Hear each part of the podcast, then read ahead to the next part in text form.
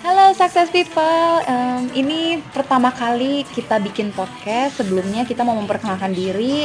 Eh, yang pertama saya, saya sebagai Gina dan saya juga di sini nggak sendirian. Saya bersama teman saya.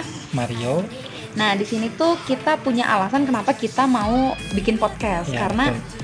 em, zaman sekarang nih ya banyak banget manusia tuh orang-orang yang pikirannya tuh mudah buat diambil alih sama hal-hal negatif.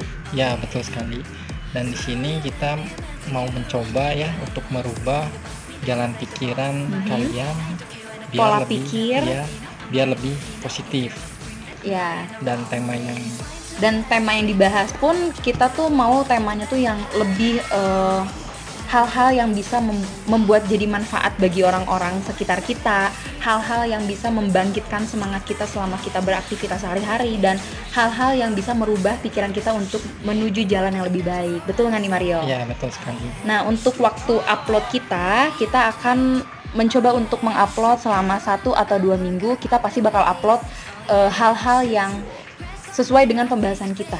ya Oke, mungkin segitu saja Hmm, perkenalan kita. Jangan lupa ya, selalu dengerin podcast kita. Bye.